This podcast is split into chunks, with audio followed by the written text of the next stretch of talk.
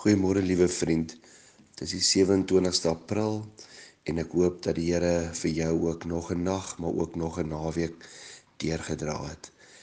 Vriende, ek wil u begin met die storie van ons het 'n oom Pieter gehad. Ehm um, dit is iemand wat hier by ons kerk in die tuine gewerk het en ehm um, altyd 'n blou overall gedra het en verlang by ons gewerk het. En toe kom sy vrou tot sterwe.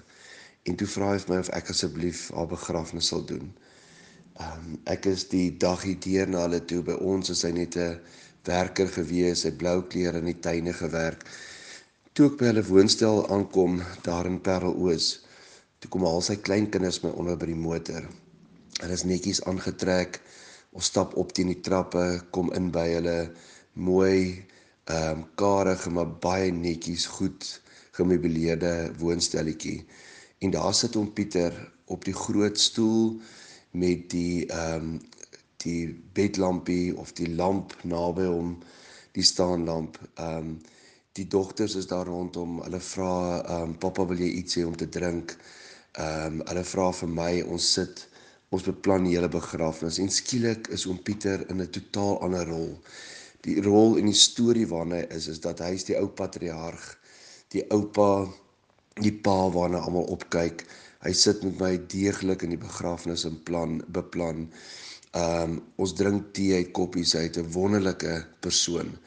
En en ek het net daai dag weer besef dat in sekere opsigte is hy 'n tuinwerker en in ander opsigte is hy die patriarg, is hy die oupa, gerespekteerde pa, 'n uh, mooi kind van die Here en in 'n pragtige ander rol. En vriende, so sien ons baie keer mense in rolle en moet ons besef dat die Here stap met elkeen van ons ons eie pad. En ons elkeen se individuele storie is vir God altyd ewe belangrik. Ehm um, niemand se storie is belangriker as ander stories nie en omdat ons ook nie as mense die een belangriker as die ander persoon is nie. En daarom behoort jy met die grootste grootste respek um te kyk maar ook te werk met mense wat vir jou werk op die plaas jou plaaswerkers by jou besigheid. Maar dan ook verder vriende selfs 'n bergie of iemand wat op die straat lê. Onthou net daai persoon het 'n 30 40 50 jaar 'n pad 'n storie wat hulle al met die Here gestap het. En en die Here is vir hulle oneindig lief net so lief soos hy vir jou het. En dit laat dink my ons gaan nou 'n paar dae staan uh, stil staan by ehm um, Josef en sy ongelooflike lewe.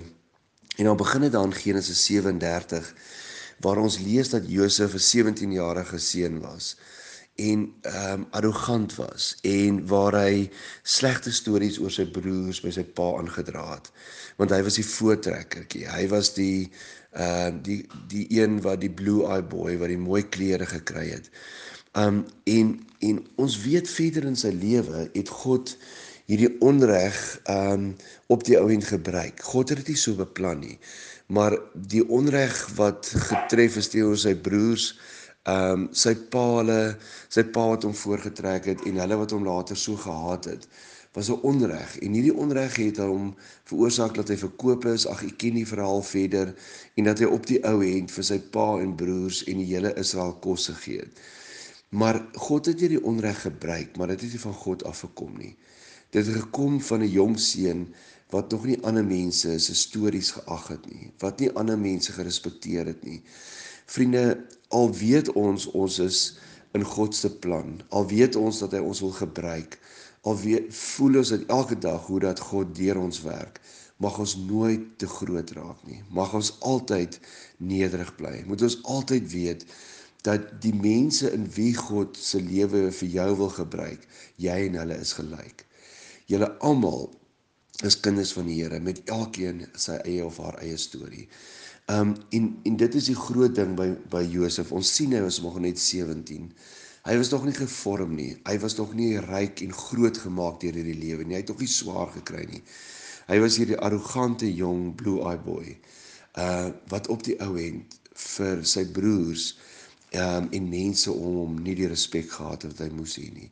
Mag die Here gee dat ons altyd kleiner sal word en nie groter nie. Dat ons altyd vir onsself sal sê ons is gelyk met die eenvoudigste mense rondom ons in hierdie lewe.